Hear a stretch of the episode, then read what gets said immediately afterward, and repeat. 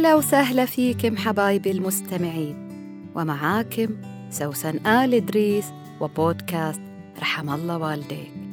برنامج خفيف أحكي لكم فيه حكاياتي وانطباعاتي في الحياة. اللي أرجو إنها تعزف على وتر في وجدانك من زمان ما سمعته أو كنت غافل عنه. عشان بعد ما تسمعني تدعي لي وتقول رحم الله والديك.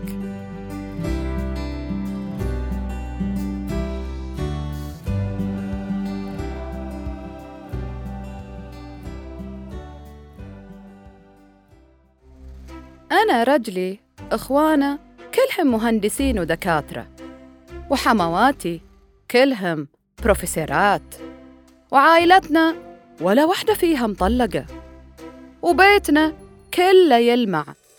أصلاً أنا بكبري الماسة تلمع. وخذ لك من هالكذبات عن بعض الحريمات. اللي يبغوا يحسروا غيرهم إن حياتهم بيرفكت ظاهرياً. ولا في ثغرة تقدروا تستنقصوهم منها.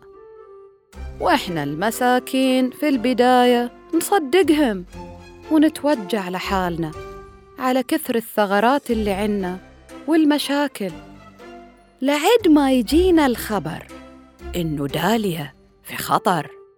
والبنت الألماسة بنت عادية وعدها مشاكل عائلية مثلنا حالها من حالنا بس داليا مو خوش وكذبها خلانا ننظر لحياتها إنها كذبة وإنها متعبة روحها عشان مين؟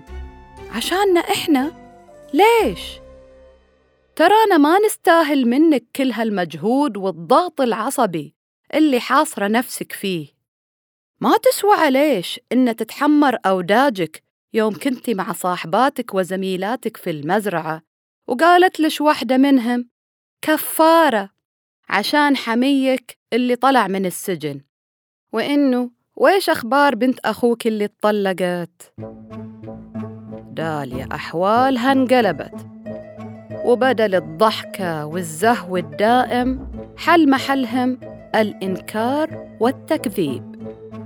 يلا بنسوي حالنا مصدقينك لا يطقلك عرق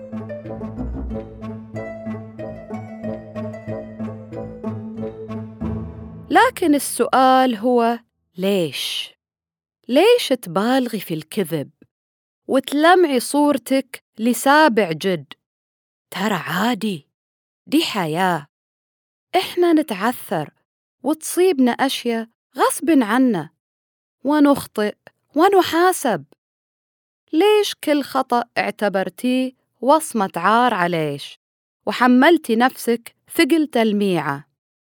انت إنسانة ممتازة وتسعي إنك تكوني الأفضل. بس للأسف كل ميزاتك طاحت لما اكتشفنا إنك تداري على أمور تصير عنا كلنا ولا نتعنى إنه نخفيها.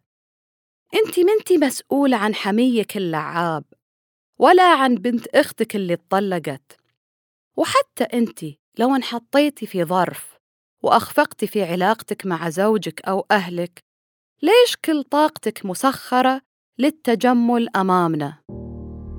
انت أذيتينا وحسرتينا وخليتينا ننظر إن في شي مو طبيعي عنا ما في أحسن من الإنسان الواضح البسيط اللي يعيش حقيقته ويفخر بروحه الحلوة وإنجازاته مو بصورة بالية يلمعها.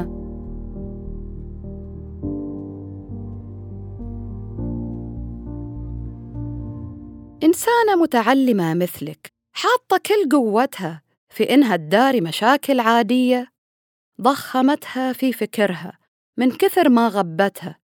وقال إيش؟ أنا لا أكذب ولكن أتجمل.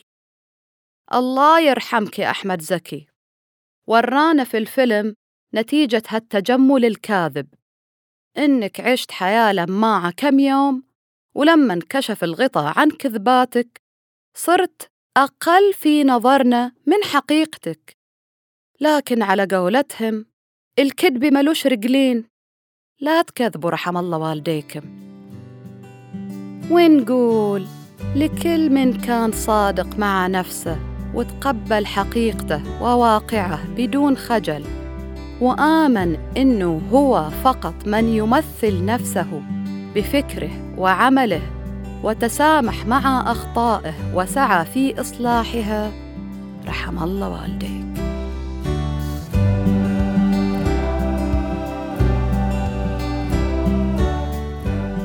معاك أنا سوسن آل إدريس. لا تنسى تشارك الحلقة مع اللي حواليك وتتابعني على حساباتي في ال social media واللي حطيتها لك في وصف الحلقة. الحين أقدر أقول لك أتمنى لك يوم جميل ورحم الله والديك.